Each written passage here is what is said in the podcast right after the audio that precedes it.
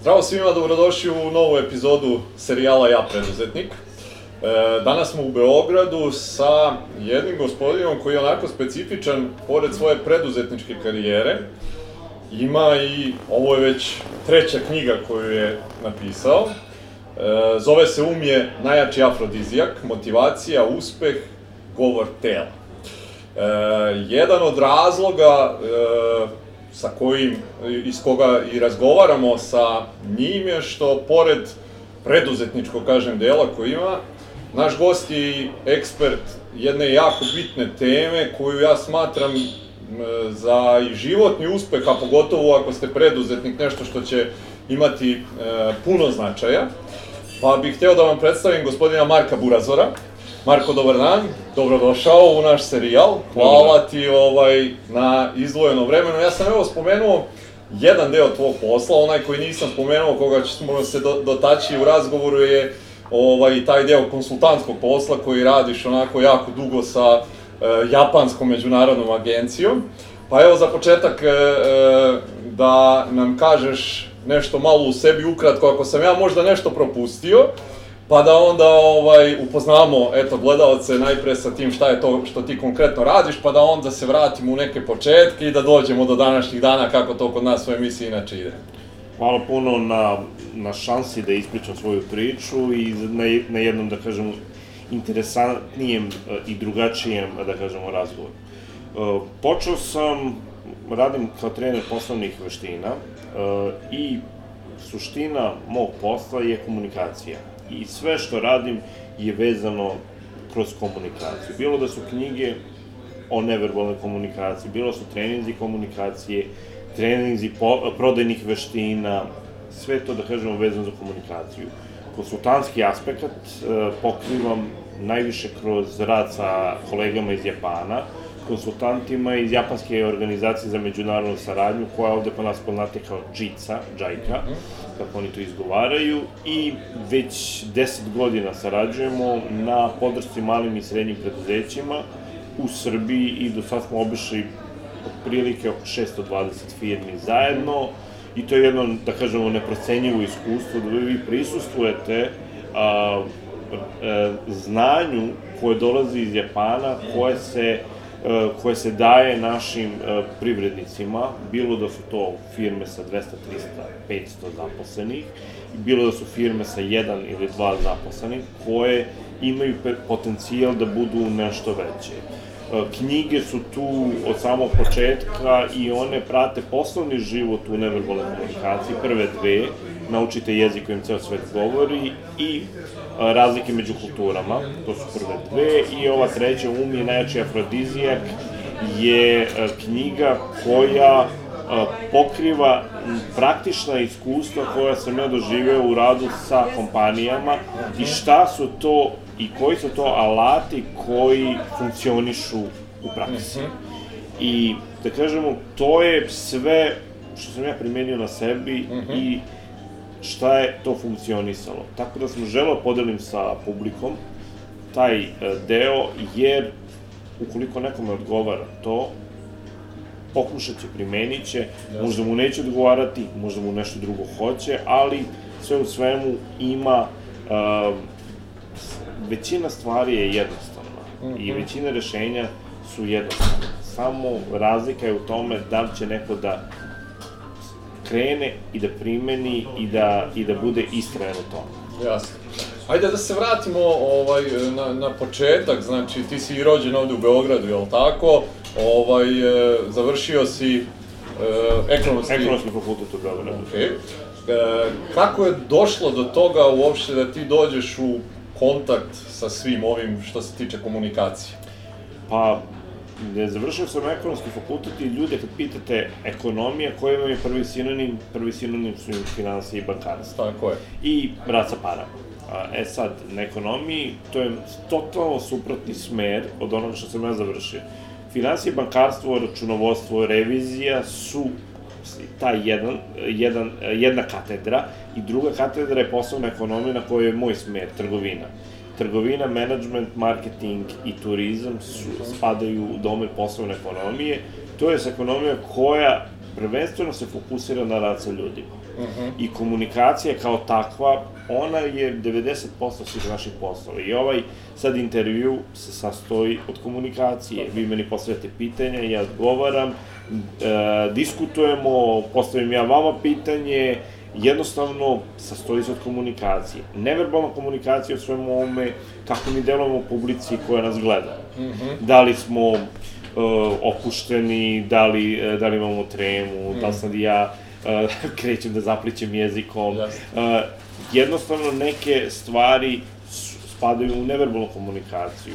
Tako da, oko nas je sve komunikacija, ali prva ta klica, da kažemo, seme od koje je zasejano je dok sam bio košarkaški sudija, mm -hmm. to često ističem, jer tad sam prinuđen bio da mm -hmm. procenim govor tela drugih uh, učesnika u, na terenu.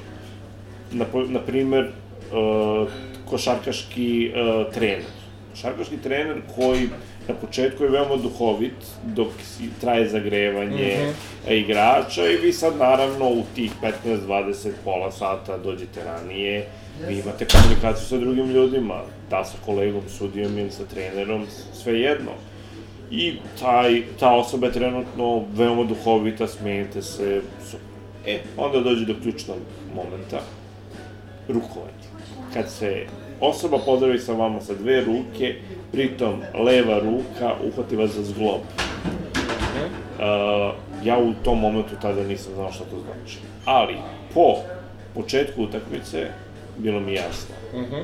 Ta osoba je želela da meni pošalje signal, bit će na sam ja zamislio. Uh -huh. I on vrši pritisak, prelazi granicu crvenu, gde vi morate da njega da sankcionišete, da mu date tehničku grešku, koja kasnije košta, on mora da plati kaznu Košarkaškom savezu Srbije, koja nije mala. Mhm. e, cela utakmica dobije drugu dimenziju. Zamislite da vi, e, da mi sada se takmičemo u nečemu i, i od tačke A do tačke E zaustavi nas saobraćena policija i, i da nam kaznu od tipa 15.000 dinara, da ćemo mi biti istog raspoloženja do tačke B kad nastavimo da vozimo. Mm -hmm. Nećemo, bit ćemo iznervirani i sve će to poprimiti neki drugi, uh, drugi, uh, drugu konotaciju. Mm -hmm. Samim tim sam ja počeo da čitam, da kažem, govor tela i da prilagođavam svoje ponašanje. Ukoliko osetim takvo rukovanje, ja bi automatski bio mnogo strožiji na početku, ne bi dozvoljavao nikakvu priču, a sa većim autoritetom bi donosio te odluke, da bi poslao poruku da tako ne može.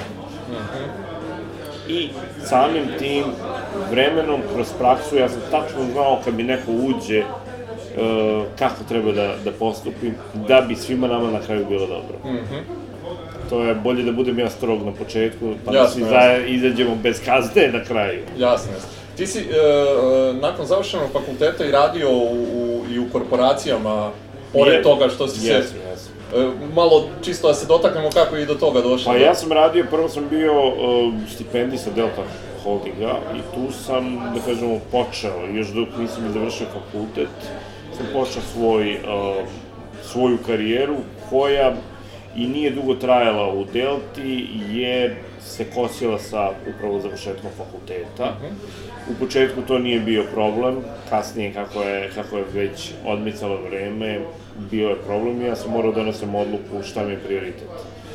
Moje neke kolege nisu, ostali su pri kompaniji i o, ja smatram da sam donao tada pravu odluku. Posle toga sam radio u VIP Mobilu, Mobilcom Austrija grupi, kad je došao treći mobilni operator, kad sam završio sa fakultetom, onda sam se zaposlio ponovo. I tu sam bio nekoliko godina, ali jednostavno vi procenite da za vas kompanija nije. Imate ljude koji bolje funkcionišu u da kažem, u većim kolektivima, mm -hmm. gde se manje, gde se deli odgovornost, gde, mo, gde ne morate vi da budete isturani Dok ja, na primjer, volim više da, da sva odgovornost bude na meni okay. i da odgovaram za svoje, uh, za svoje postupke.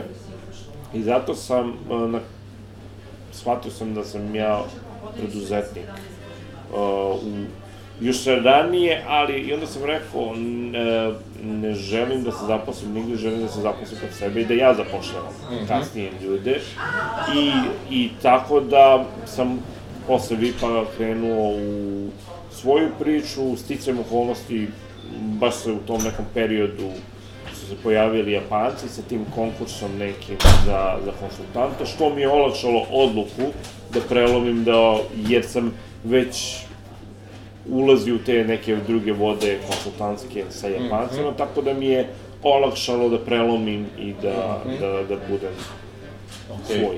E, u tom trenutku kad se, ajde da tako kažem, upuštaš u, u preduzetništvo, E, jesi imao uopšte ideju oko toga da će e, tvoje, ok, rekao si da, da je jedan deo bio usmeren na saradnju sa, sa Japancima, Međutim, e, jesi u tom trenutku uopšte imao predstavu o, da će veliki deo tvoje karijere sada u ovom trenutku biti usmeren ka e, komunikaciji uopšte?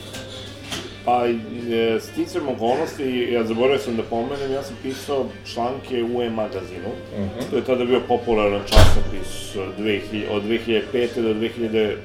8. 9. sam ja pisao i imao sam kolumnu i pokrivao sam segment prodaje, uh, pardon, trgovine. Uh mhm. -huh. Kolega Miodrag je imao segment prodaje i ja sarađujem sa kolegom Miodragom Kostićem, uh, koji je pokrenuo svoju, da kažem, priču, poslovno znanje i on je na neki način mene uh, usmerio, dao, uh, dao mi ideju da možda razmišljam na taj način. Mm -hmm. Neverbalna komunikacija sam ja krenuo da izučavam na fakultetu, to mi je bio diplomski rad, to je mm -hmm. poslovno pregovaranje.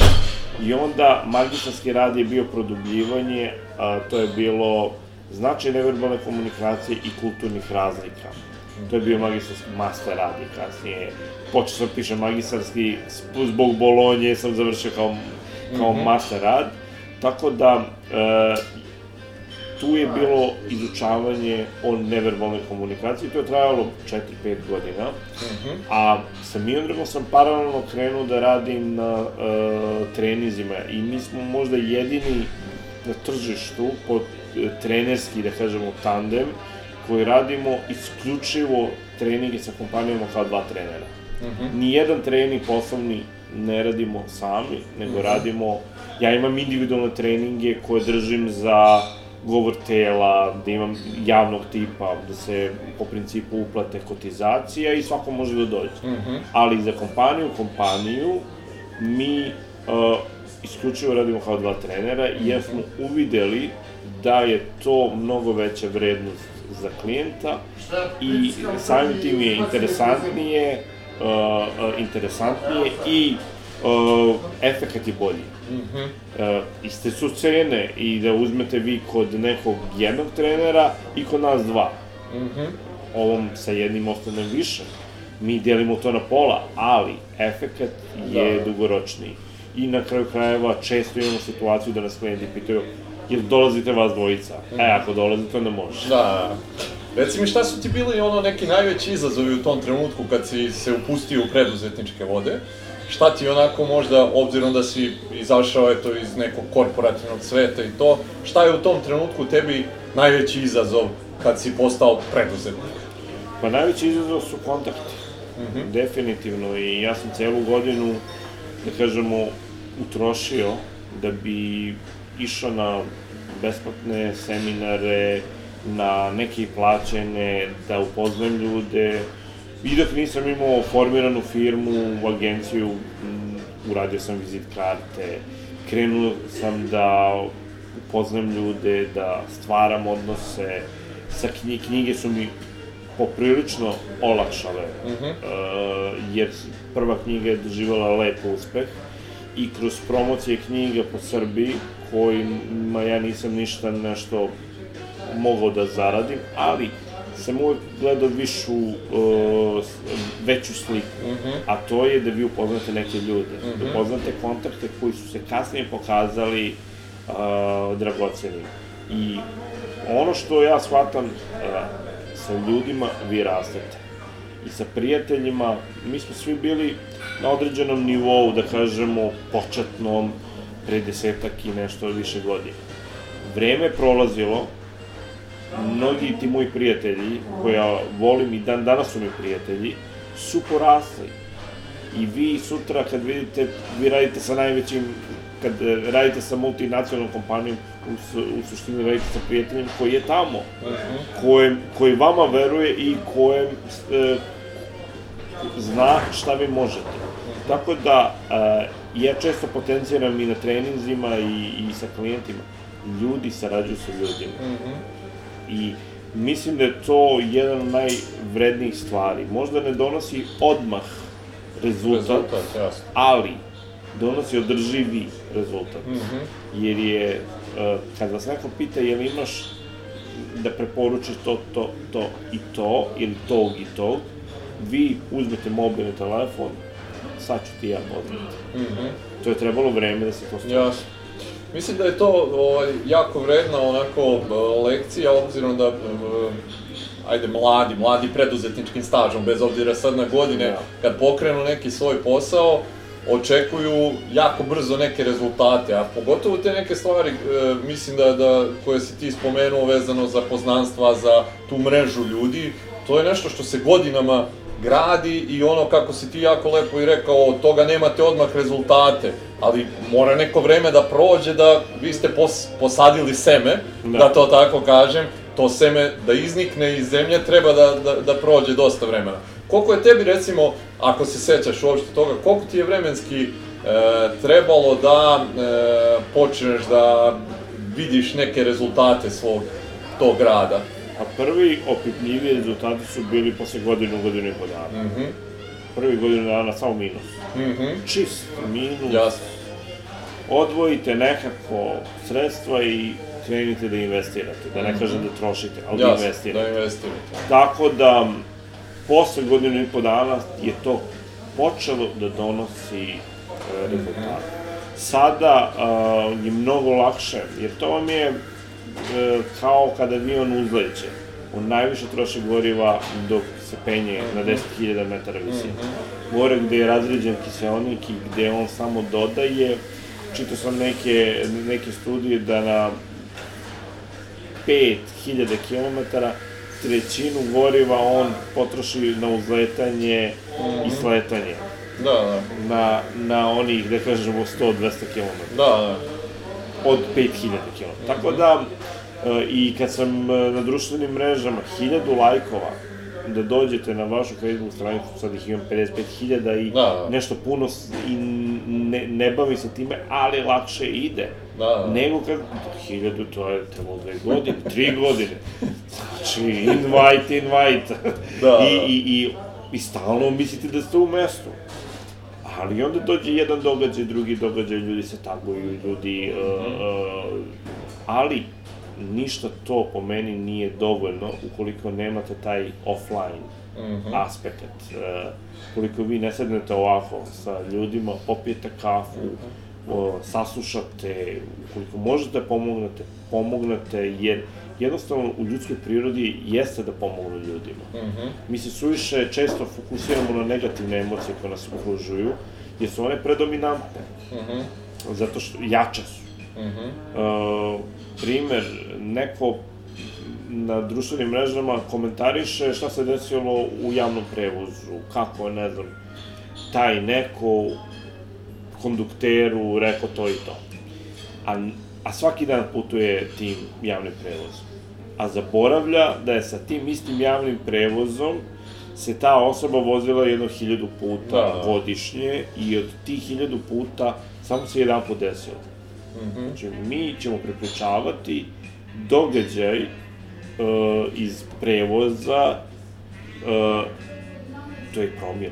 Mhm. Mi ćemo se vezati za jedan promil, a, ne, a onih 999 promila ćemo Mhm. tretirati kao Da li misliš da je taj, e, e, nekako je naš mozak postao takav da uglavnom e, primećujemo te neke negativne stvari, hvatamo se za njih, dok e, ove pozitivne nekako podrazumevamo kao da to tako treba da se desi. E, jel smatraš da je to nekako evoluiralo, da to nazovemo sad tako, e, da dođemo do toga, u principu, ja znam kod mene lično koliko mi je trebalo da prestanem da razmišljam na taj način, da nateram sebe da ne reagujem tako, jer je to nekako postao kao automatski pilot. Znači, ja sam baš, konkretno sad pričam za sebe, morao jako puno da radim na tome, da promenim to i da vidim u svemu malte ne pozitivne stvari, da ih primećujem, jer sam ih nekako podrazumevao normalnim. E, smatraš to e, da ima nekako veze možda sa okruženjem ili je to jednostavno eto neki evoluti, evolutivni put koji mi imamo? To je ljudska psiha, jednostavno mm -hmm. psihologija to istražila na zapadu, na istoku, mm -hmm. generalno od pamtiveka negativne emocije jače, čak su istraživači izračunali da je negativna emocija 12 puta jača pozitivna. Mm -hmm. Jer pogledajte naslove svih medija na svetu, mm -hmm. ne govorimo da, ne, u Srbiji. Samo nas, Mi samo kopiramo ono što se dešava na, na, na zapadu, tako, standarde. Mi nismo izmislili toplu vodu. Mm -hmm. Jednostavno je to tako i kad se desi neka saobraćajka, to o, obiđe ceo svet. Mm -hmm. e, da li je voz, da li je ta tragedija, jeste se desila, ali ona i se prenese i ako se desilo u nekoj maloj zemlji, Ostrvskoj, na Karibima, da, da. mi ćemo čuti, iako ne znamo gde je ta zemlja, mm -hmm. primer radi. Dok pozitivna vez da je neko napravio nešto revolucionarno, mm -hmm. osim ako nije ekscentrik neki, teško je se čuti. Da. A opet i tu je povezana negativna emocija kroz taj uh, ekscentričan nastup. Da, da, da.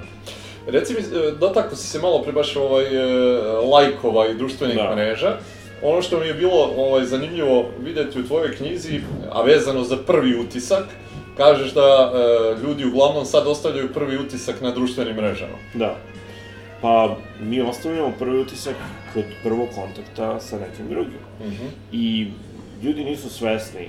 Često imam uh, komentar kao, a to što je na Facebooku, to ja nisam uh mhm. -huh. tako ok, ajmo da, ajmo polako.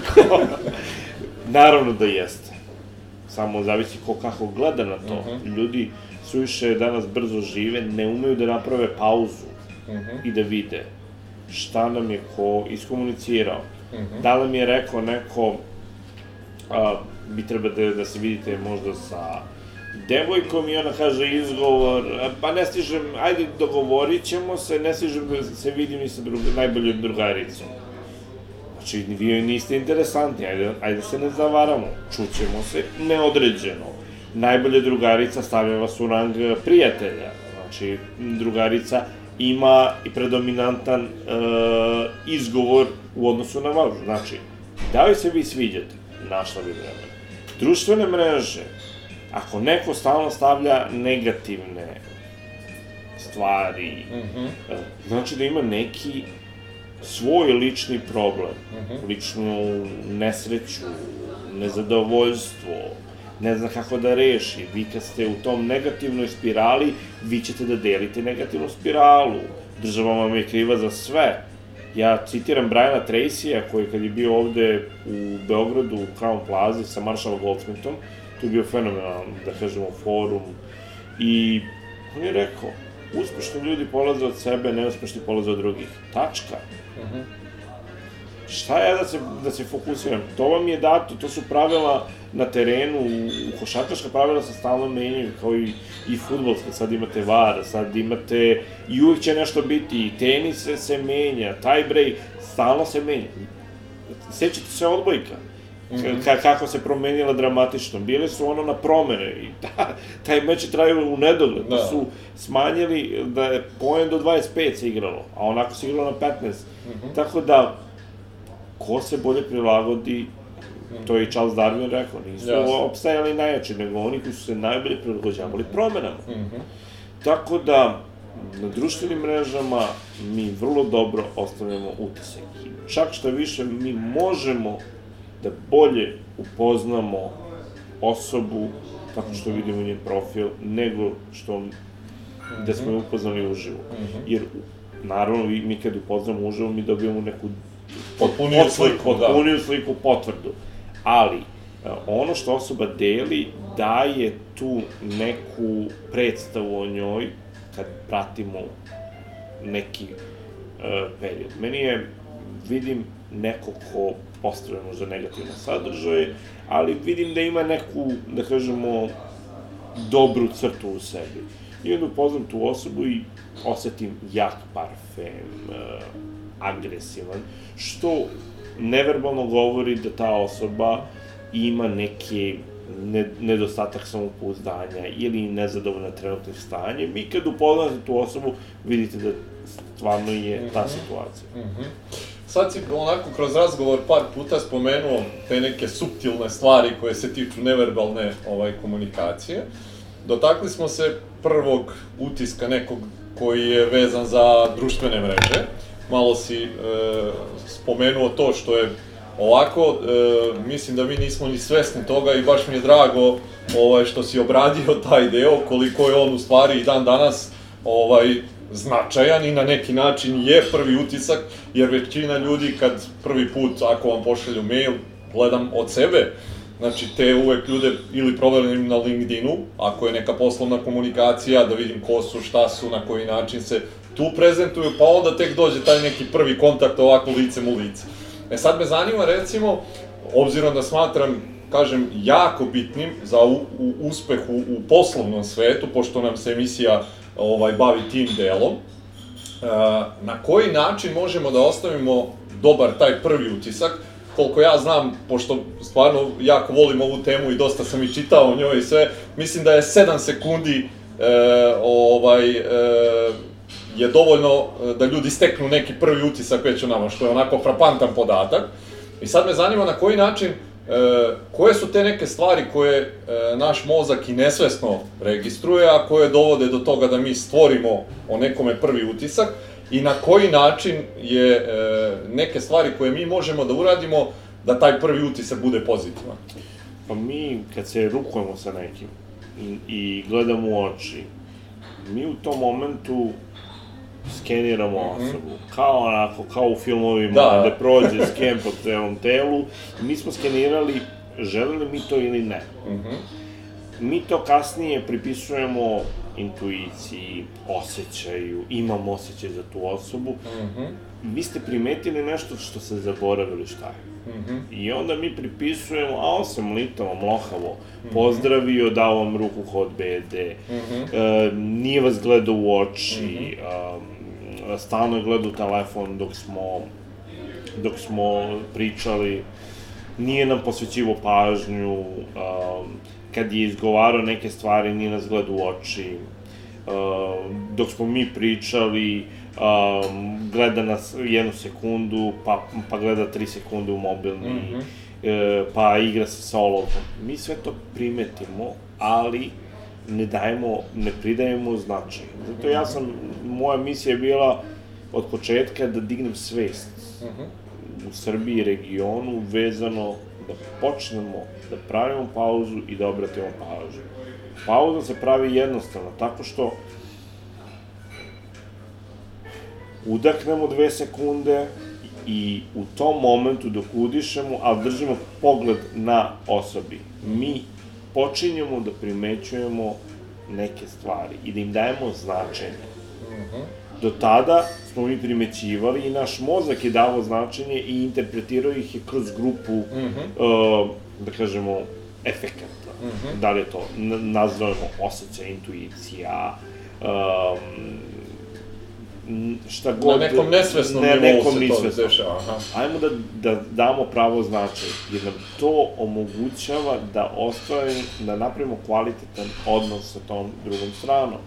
I taj, da kažemo, prvi utisak je toliko bitan uh. -huh. da 90% ukupnog utiska o osobi je zasnovano na prvom utisku. Uh mhm. -huh. Što smo ostavili na početku, to je.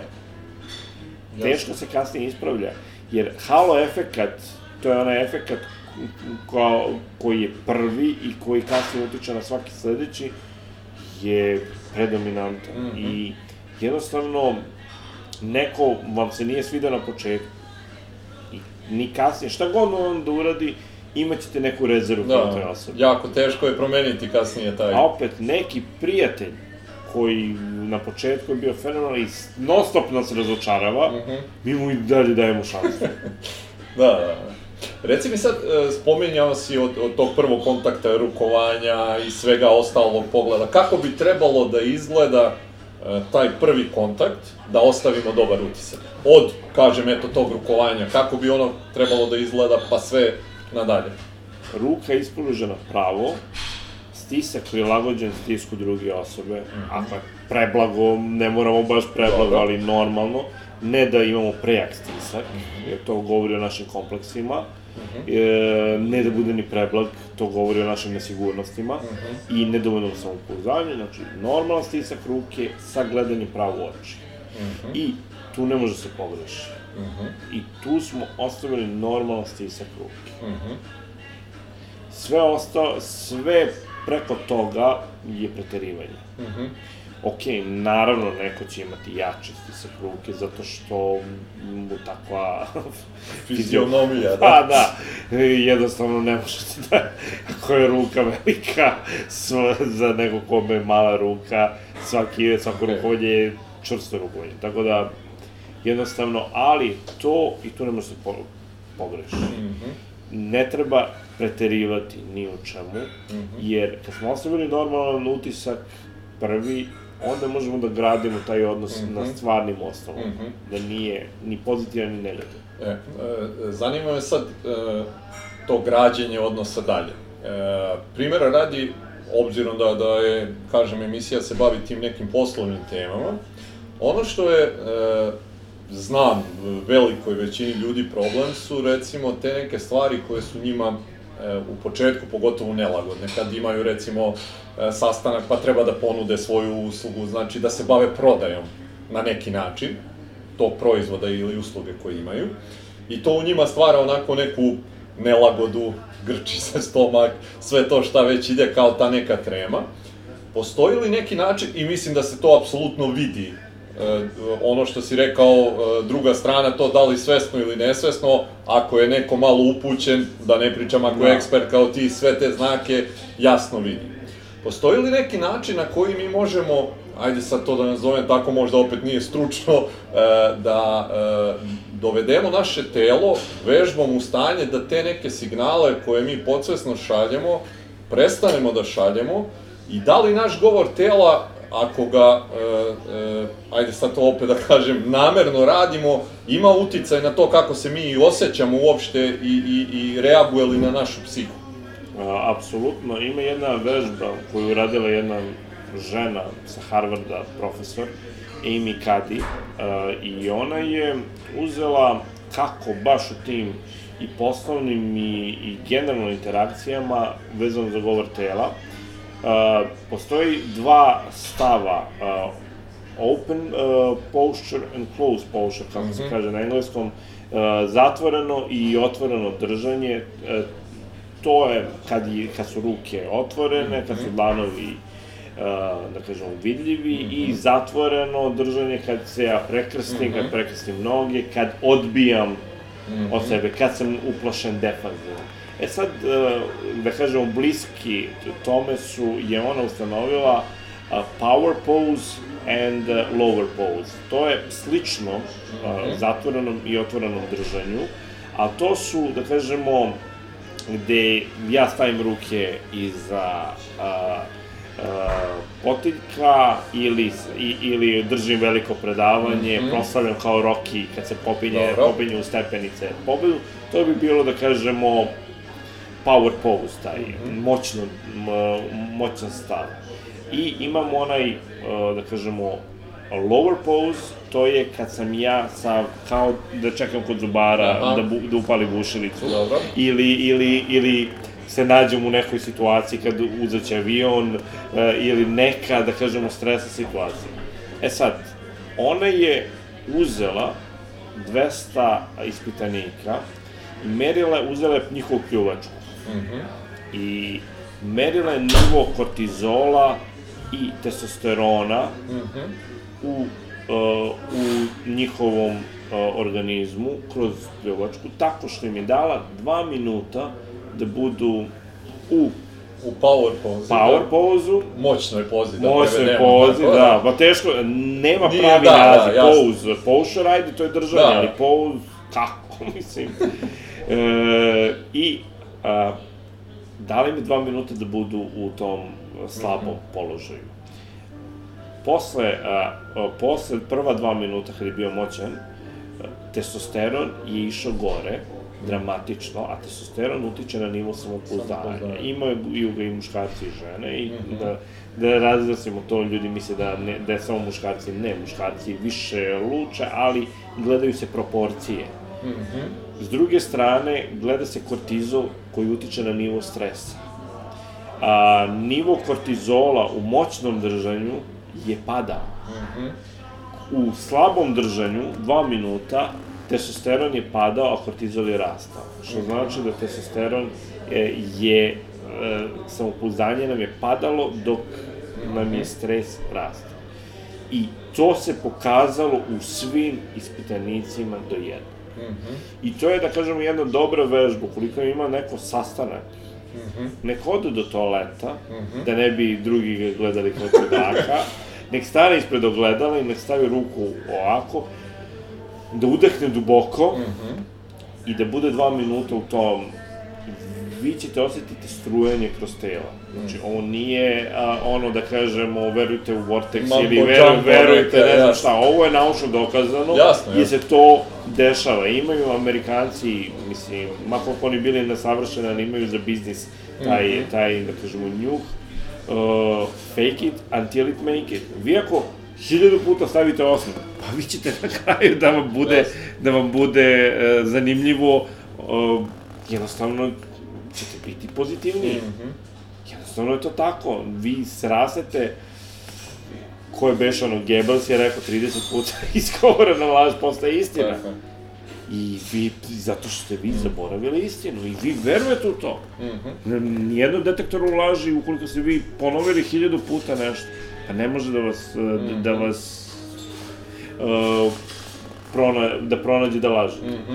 Tako da je ovo na neki savet koji se pokazao fenomenalnim i ovo je relativno skoro, pre 4-5 godina je ona istražila. Ja sam je bio zapratila na Instagramu sa, pošto imam knjige prevedene na engleski, vidim zapratila je ona mene, zanimljivo, ajde pratimo ono, da vidimo šta objavljuje, ona kao, "Wow, revolucionarno, da, da, da, uspeli smo, ono, it, i onda sam ja otišao da vidim taj link, šta je to, i ono, kao, ono je pokazalo i onda su kasnije krenuli neki filmovi na tu temu i stvarno to funkcioniše. To definitivno mogu da potvrdim, obzirom da sam ja u početcima svojim isto poslovnim, kad sam imao ovaj, tako neke stresne situacije, radio baš ovo što si ti ovaj, preporučio pred sam sastanak, bih otišao u toalet baš ono da me ne gledaju kao čudaka šta ovaj radi. I e, savjetujem vam stvarno da probate, definitivno vidjet ćete ovaj, za te neke situacije gde se prvi put susrećete koje su vam strane, Da. gde imate onako ovaj, manjak samopouzdanja, definitivno mislim da, da, da će biti iznenađeni ljudi kad probaju, ali evo, jedan jako koristan savjet koji si im dao. E sad, ono što me zanima, e, sa druge strane, spomenuo si sad i detektor laži. Sad ćemo laž. Hajde da ponovimo 30 puta, pa ćemo da pričamo nešto drugo. Jako je bitno isto u, poslovnom svetu znati e, da čitate druge ljude, te neke ovaj, signale koje oni i nesvesno šalju.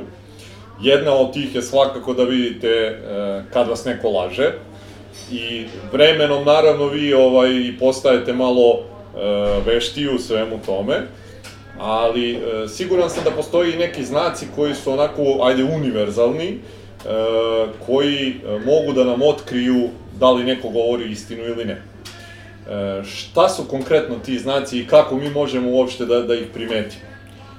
Prvo i osnovno je da gledamo kontekst u kojem se nešto dešava. Naravno, moramo da budemo obazrivi ukoliko je i velik, visoka nervoza, ukoliko je stresna situacija, Da. da, je osoba pod tim uticajem i da će možda mnogi znakovi da, da budu nerealni, neiskreni, jer jednostavno je osoba pritisnuta tim e, detaljima. E, laž se uvek pronalazi u 5 sekundi. u prvih 5 sekundi po Mhm. izgovaranju. Tu se krije laž. Vi meni postavite pitanje, Marko, zašto si proneverio pare iz firme? A mi radimo u istoj firmi. I sad ja kažem, ja sam ovoj firmi dao zajedno sa mojom porodicom 25 godina mog života. Kako te nije sramota da mi postavljaš takvo pitanje? Šta sam ja uradio? Prvo sam me zasvrbeo nos, da bi prekrio usta, da ne bi čuo moj mozak šta je to što ću ja izgovoriti. Znači, to je jedan znak, da vi prekrivate usta. Drugo, ja ću težiti da, da ne gledam vas direktno u oči dok izgovaram to. To je drugi znak. Treći znak, ja nisam odgovorio vama direktno na pitanje, nego sam prešao u napad da bi zamaskirao odgovor, jer ja ne želim da kažem laž. Da se pro, proceni da je to laž. Treći znak, ukoliko me a, odjedan put se e, držim za uvo, to je četvrti, da kažemo, znak koji ume da, da sugeriše da nešto nije istina. Tako da ima dosta znakova, ali osnovni je negledanje u oči u datom momentu, a, neodgovaranje direktno na postavljeno pitanje i krećemo na, da odgovaramo na sve osim na ono što nam je Mhm. eksplicitno pitano. Tako da laž se relativno lako vidi, samo što ljudi ne žele da vide laž. To je problem. Što žele da veruju da je nešto istina, iako vidi da nije. Tako da, a kad nekom kažete što si slago, taj će da se brani, jer neće da bude lažov.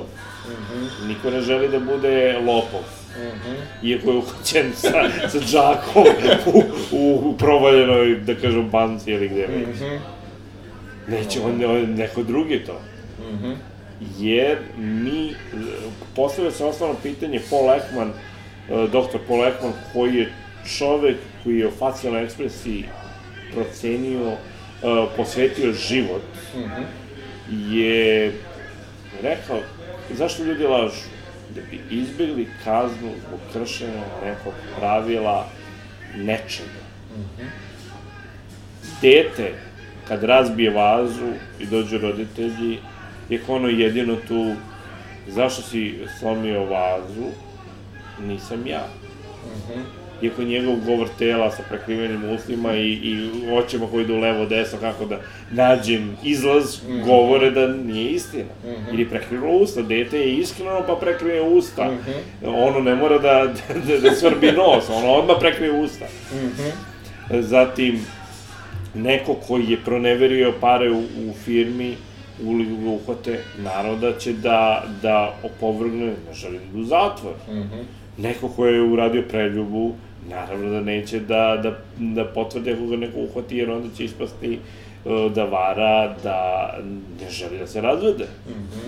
Ili, tako da jednostavno ima uvek kazna ta koju ljudi izbegavaju. Opet, s druge strane, ljudi lažu da bi se predstavljali boljim nego što jesu. Da bi ispali, da kažem, to više rade muškarci.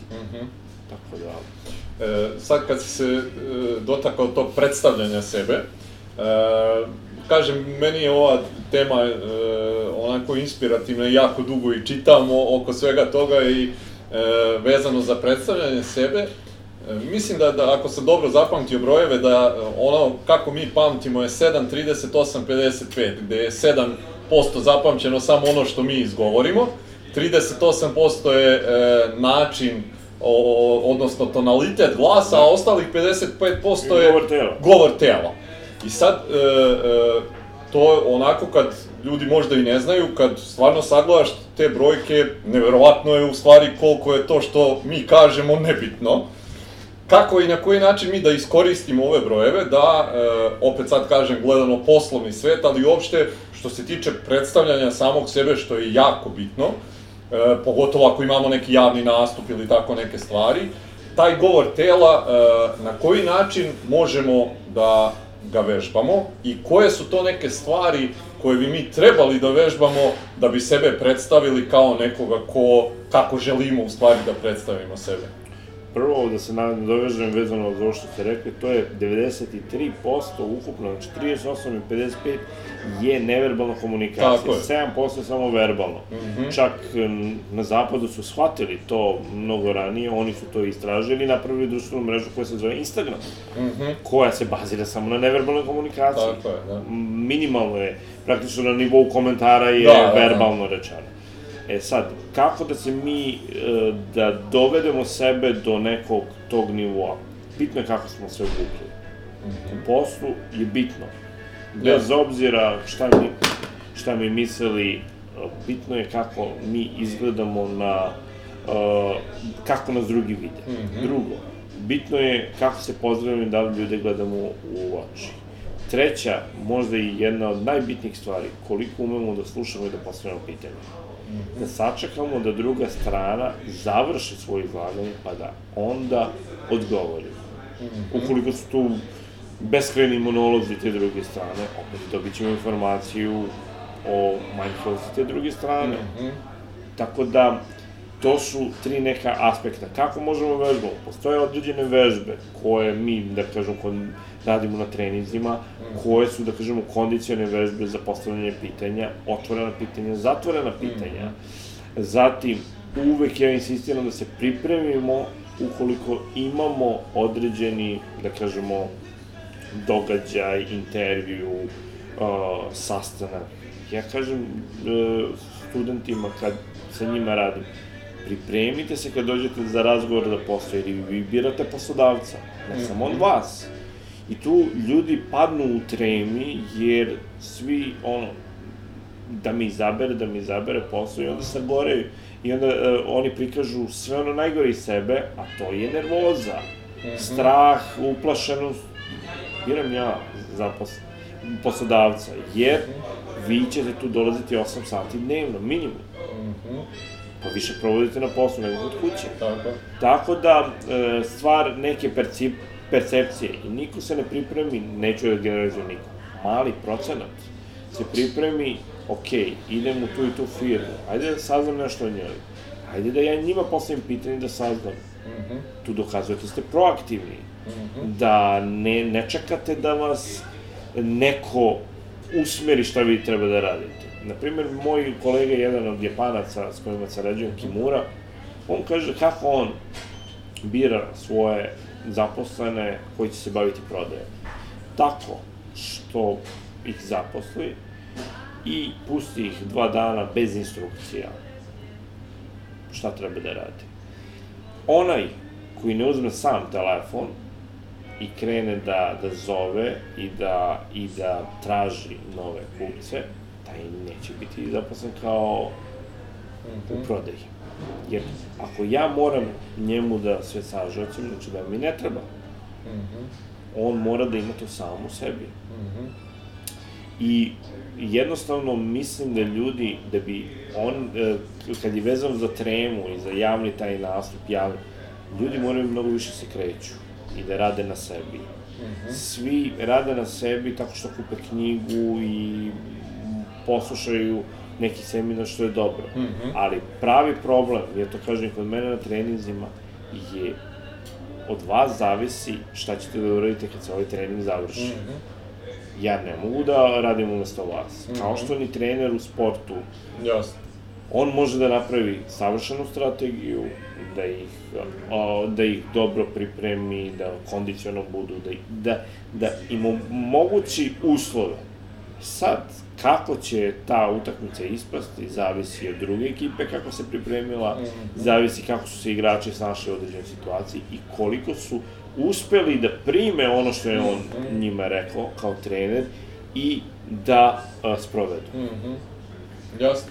Da, e, mislim da je, e, evo, stvarno ono, i da toplo preporučim knjigu tvoju, e, i ove prethodne dve i ovu, ovaj, u njoj zaista imate pregršt ovako nekih saveta, e, samo smo ih se ovlaš ovde dotakli, ali na kraju krajeva kad vi pročitate sve ove savete, ako ne uzmete da e, i konkretno prvo vežbate, ja mislim da e, većina ljudi tu malo onako, možda je to i neki glup osjećaj, ali ja se isto sećam e, prvi put kad sam trebao da imam javne nastupe i to, ja sam stajao i vežbao ispred ogledala.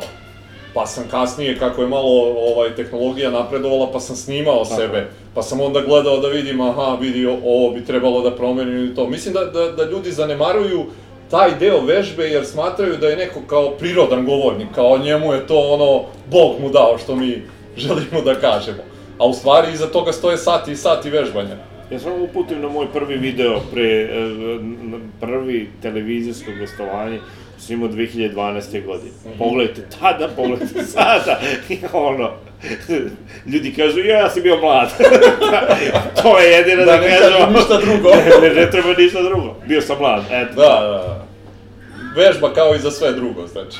E, htio bih da se dotaknemo i ovog dela ovaj, tvog poslovanja koji se tiče saradnje sa, sa e, Japancima, koju smatram onako jako zanimljivom, obzirom da e, japanska metodologija, ta poslovna neka je isto nešto što sam imao prilike malo da se sretnem. E, pa me zanima, e, kad si tek došao u kontakt sa, sa njima, kako ti je to sve izgledalo?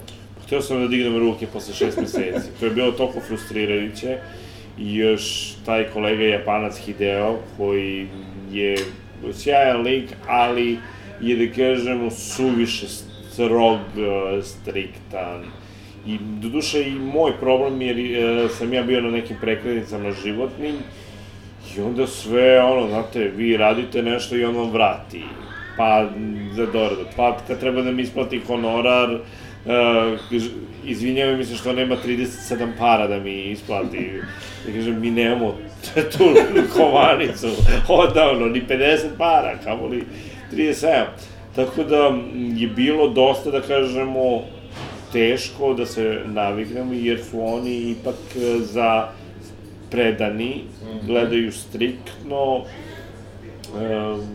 nije, e, on je e, teža se prilagođavao na našu kulturu, dok ovi sledeće kolege su mnogo, oni su konsultanti već, ovaj Hideo je bio zaposlen u Džajki, tamo, i on je morao da, da bude malo, da kažemo, striktniji. Dok su ovi sledeći konsultanti, njih šest, e, su imaju svoje firme i oni su konzorcijum i oni su prošli svet, prošli su najviše Aziju, a su imali te neke e, kulturološke, e, kulturološka iskustva i sa njima je bilo mnogo lakše sarađivati, ali bez obzira, kad radite sa Japancima, oni očekuju da ste vi na tom nivou i ja sam opravdao očekivanja jer u poslu stvarno se trudim, ja kažem da budem Nemac.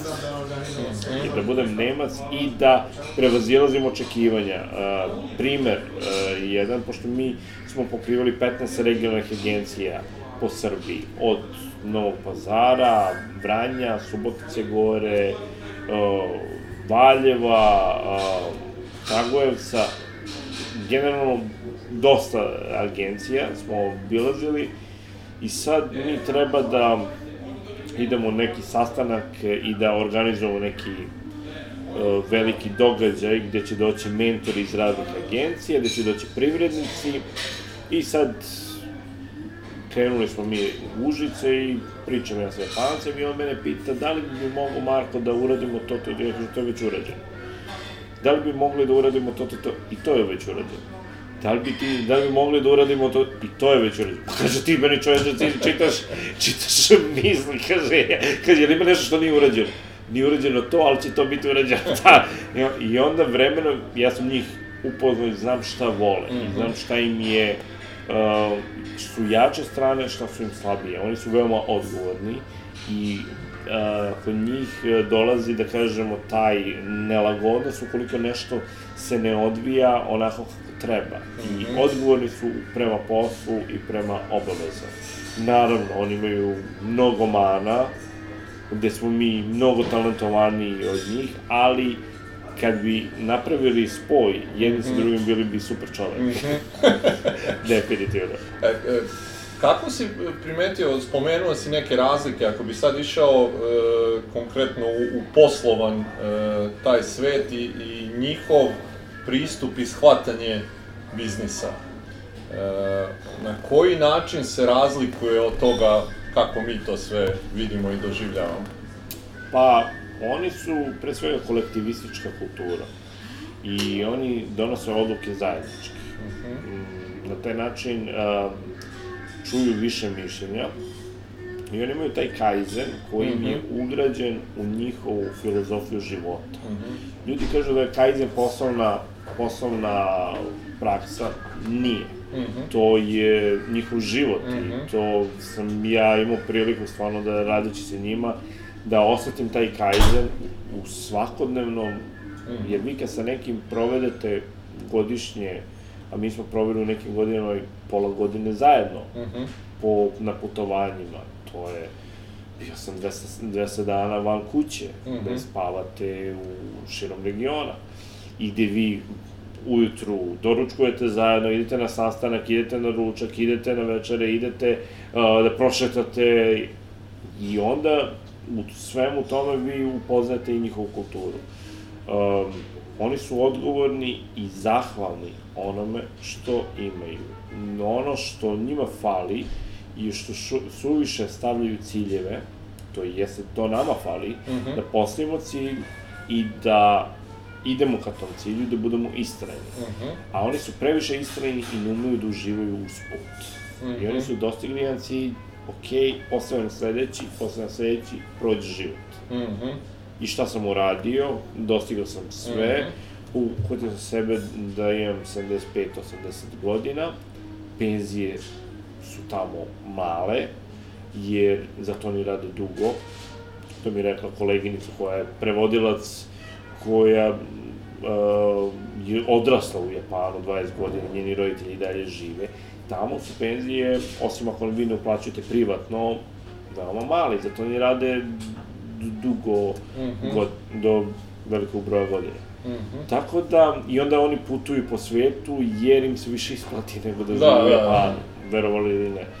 Tako da, um, Od... Izvini što te prekidam, samo ako bi e, hteo, pošto mislim da većina ljudi nije upoznata sa, sa ni terminom Kaizena, ni šta on znači, ako bi samo hteo da, da se... Kaizen je, a, Kaizen je u prevodu bukvalno promena na bolje. Mm -hmm. Promena na bolje i to je kontinuirana promene koje sprovodimo, konti, kon, sitne kontinuirane promene. Na primjer, da mi, oni imaju natpis u japanskim školama osnovnim, to mi od jedan našim trenizima pokažemo, taj slajd 1% bolje dnevno. Uh mhm. -huh. Koliko mi unapredimo sebe 1% svakog dana, recimo da pomerimo mikrofon, da pomerimo ovde u ovoj prostoriji, da, da nešto uredimo, na kraju godine mi ćemo naprediti sebe 38 puta -hmm. ne posto puta. Mm -hmm. 3000 koliko to bude, 700 posto. Mm -hmm. Tako da, e, ja onda postavim pitanje na našim trenizima, da li može da mi unapredimo sebe 1% nedeljno. Ne moramo mi da budemo japanci, nedeljno. Ajde malo da u... Mm -hmm. Imamo 52 nedelje, kumulativno to je preko dva puta. Mm -hmm. Tako da mi možemo da unapredimo i Kaizen je upravo to, da stalno tražimo male stvari za napređenje. Uh -huh. e, ako odgovaramo na mailove, ajmo da odgovorimo svakog dana od 8 do 9, pre nego što krenemo uh -huh. da radimo neke operativne stvari. Da a, telefonske razgovore obavljamo, ako imamo mi da zovemo, da obavljamo od 11 do 12 jer svaki taj telefonski razgovor nam iziskuje da nam prekida a, rad koji trenutno radimo. Mhm. -huh. Da ne prekidamo, da odgovaramo na sve što je potrebno, samo na hitno, tada i tada. I mi um, da sredimo radni sto, da nastavimo nalepnice gde se šta nalazi, jer će nam mhm. olakšati gde se, ne se nalaze određene stvari. I to bi bili, oni su to sproveli i u, u proizvodnji. Mm -hmm. Najpoznatije po tome je Toyota. Mm -hmm. Toyo, primjena Kaizena u Toyoti je i Masaki Imai, on je jedan od tvoraca e, Kaizena, koji je primenio na taj način da nemaju zalihe, ali da je sve urađeno kao apoteka. Mm -hmm. I kad svako zna šta mu činiti i gde oni imaju, svi zaposleni imaju uh, mogućnost da daju svoje predloge. Uh -huh. uh, u anonimno kroz u kutiju za predloge. Na primjeru, u, zanimljivo je, ukoliko u Toyoti na nedeljnom nivou bude ispod 27.000 predloga, oni alarmiraju, proglašavaju problem. 27.000 predloga nedeljno mora u Toyotinim fabricama se ukupno dobije Mhm. predloga za napređenje. Bio je predlog za toalet papir, kako da, da se više uštedi, da se možda nabavi kvalitetniji. Mhm. I ta osoba koja je to predložila, kasnije su uveli za, nagrade Da. i su uvideli da to dobro, je dobila nagradu i ona se osjećala ponosno, a to je bio efekt i za, za osobe oko nje, jer su oni videli da se vrednuje glas drugog. Jasno. I ono što je veoma bitno, što oni imaju kratke sastanke stalno, gde se, gde razmenjuju mišljenja, šta se dešavalo u toku jednog dana, to su sastanci od 5 do 10 minuta. I tu mi dobijamo neke informacije kako da, e, šta se desilo, e, tuđe mišljenje iz drugog ugla koje nam može pomoći da donesemo ispravnu odluku. I to je veoma bitno kod njih i oni to stalno imaju. E, Drago mi je, zato sam ti pitao, mislim da, da jako mali broj ljudi je upoznat e, e, sa Kaizenom ovde i e, predloge svakako da, da e, poslušaju još jednom ovo sve što si rekao i da malo istraže na, na internetu, postoji tu zaista e, dosta zanimljivih stvari. E, nažalost, nemamo u, u ovom razgovoru dovoljno vremena da se zadržimo na njima, ali mislim da, da, da je e, to usvajanje nekih znanja koje dolaze i od drugih e, nacija, kultura uopšte, i ako uspemo sve to da, da spojimo onako u neki naš Da. e, sistem, može da, da doprinese značajno ovaj, celom, celokupnom poslovanju. Ono što me zanima sad je da se dotaknemo kratko samo e, ljudi koji nas gledaju, koji su tu negde na početku posla. Pa bih hteo iz tvoje perspektive, eto, onako i preduzetničke, lične, imaš dosta rada i kao konsultant, e, tvoji neki saveti e, za početnike u biznisu, da to tako kažem. Pa prvo i osnovno je da znamo odgovor na pitanje šta mi želimo da postignemo. Ljudi često ulaze u posao, u poslovne aktivnosti bez jasne vizije šta žele da postignu. Jer kad imamo odsustvo vizije, e, prva prepreka nas obori i odustajemo. Kad imamo jasan cilj i viziju, onda e, to samo shvatimo kao još jednu prepreku. Ne kao nešto što nam kaže, e, to, od toga nema ništa. Jasna vizija i jasan cilj i da budemo spremni da prvi šest meseci nećemo imati skoro nikakav rezultat. To vam je kao i da otvorite trafiku na nekoj novoj lokaciji. Ta trafika neće raditi kako valja, zato što to nije razrađena lokacija. Ne, ljudi još se nisu navikli da tu postoji da mogu da se kupe novine ili da se kupi bilo šta. Jer treba ljudima vreme da prolaze napred nazad da bi se navikli. E, Ja sam uzeo banalan primer Mhm, trafika jasno, koji mi sad palo, ali generalno u svemu što radite potrebno je vreme i potrebna je istrajnost. Jednostavno mora čovjek da bude istrajan i da ne da se fokusira na jednu stvar. Vi možete da radite više stvari, ali jedna stvar mora da vam bude ono po čemu ćete biti prepoznati. Brendirate se na jednu stvar.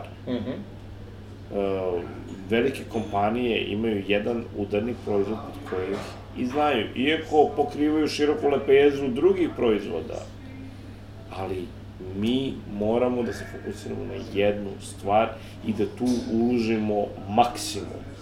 Kad su pitali Bill Gatesa i Warren Buffetta na jednoj, na jednoj večeri uh, zvanice, uh, pošto su oni veliki prijatelji, ja, ljudi m, najbogatiji na svetu,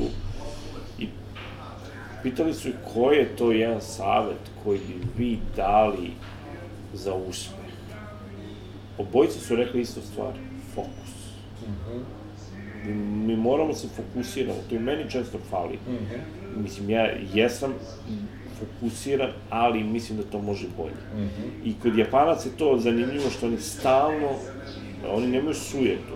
od toga ako nešto ne radi kako Mhm. valja. Njemu je to prilike da on bude bolji u tome i oni su stalno nezadovoljni. Mhm. Jer smatraju da mogu da budu još bolji. Ja često kažem, ajmo da budemo Đoković u svom poslu. Mhm. Znamo šta je Đoković uradio, možemo popratimo njegov uspeh. On je došao iz, od nas, iz naroda. Nije on uh, otac bogat, uh, tih, uh, sin bogatih roditelja, Tako. pa je ono, ajde, sine, da se baviš malo nekim Da. uh, ovaj, bogatim sportom. Nego je došao uh, sa banjice, došao iz uh, žive u iznajmljenom stanu, roditelji su bili preduzetnici, ali znamo koliko je tenis skup sport. I on je uspeo, jer je imao jasnu viziju još od sedme godine, da želi da bude broj jedan. Tako. Ok, mo, možda, on imao i sreće, da nije doživio neku ozbiljniju povredu umeđu vremenu kao tinejdžer, imao je sve, ali sve je imalo svoje. Imao je jasnu viziju, jasan cilj. Mhm. Ja, veći nego možda neko drugi. Mhm. I vi kada usmeravate tu svoju energiju na taj jedan fokus, Mhm. to ne može da ne uspe. A, te meni neko kaže, a vezan za konkurenciju u ovim mojim nekim temama, poslovnim veštinama, ima mesta za sve. A, koliko je bilo, da kažemo, firmi, a, ja poštujem moje kolege koji se bave trenerskim poslom, koji imaju a, firme koje postoje više od 10 godina. Mhm. Jer oni da ne vrede tih 10 godina, ja i preporučujem da neke teme koje kolega i ja ne radimo, ako oni postoje 10 godina, znači da ipak imaju neku vrednost. Pojavljivalo se raznih, Jasno. razni koji su završili neke uh, NLP sertifikate od pod uh, dva dana i sada predaju uh, i firmama. Sa firmama ne možete to da, da radite. Jer njih ne zanima sertifikat, njih zanima jednostavno vrednost koju ste vi njima dali. Da li će biti rast prodaje posle šest meseci ili neće? Jasno. Ako bude, će vas zvati ponovo. Koliko ne bude, neće. To. I to je to, nema, jednostavno, obučavate ljudi prodaji, treba da ima neki prodajni rezultat. Da. Njih ni ne zanima nikakav sertifikat ni metodologija. To šta ćete vi da koristite, da ćete i čiri bu, čiri ba, a da to donese da moji zaposleni bolje rade, da imaju manje stresa, da, je, da jednostavno se fokusiramo na neke druge stvari. Zato ja radim sa kolegom Miodragom, jer ipak a, dva, a, dve osobe imaju a, više, da kažemo, dva mozga lakše daju kvalitetni predlog iz više uglova. Mhm. Zato kažem, ima mesta za sve. E, Marko, pitanje sa kojim završavamo sve naše razgovore je da imaš priliku da daš mentorski savet Marku sa početka preduzetničke karijere, sa svim ovim što sad znaš. Šta je to što bi mu rekao? Uf, pitanje od milion dolara. pa šta bi rekao, pa ne bi puno menjao, ne bi puno menjao do sada, jer uh, ranije bi završio treću knjigu, to definitivno, pet godina je bio suviše dugačak, uh, dugačak. Možda bi se uh, više fokusirao u tom nekom periodu između druge i treće knjige. Naravno, neke stvari privatne vam oduzmu neki fokus uh, i dao bi možda jači gas.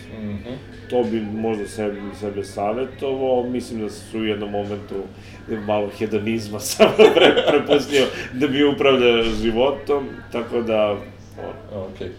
Marko, hvala ti puno za izdvojeno e, vreme, za sve ove savete ovaj, koje si dao. Ja zaista vam najtoplije preporučujem da, da pročitate i prethodne dve Markove knjige i ovu. Mislim da je komunikacija e, jako bitna za sve nas, bez obzira u kom ste poslu, a pogotovo, kažem, smatram je jako, jako bitnom u, u, u, u tom nekom poslovnom uspehu.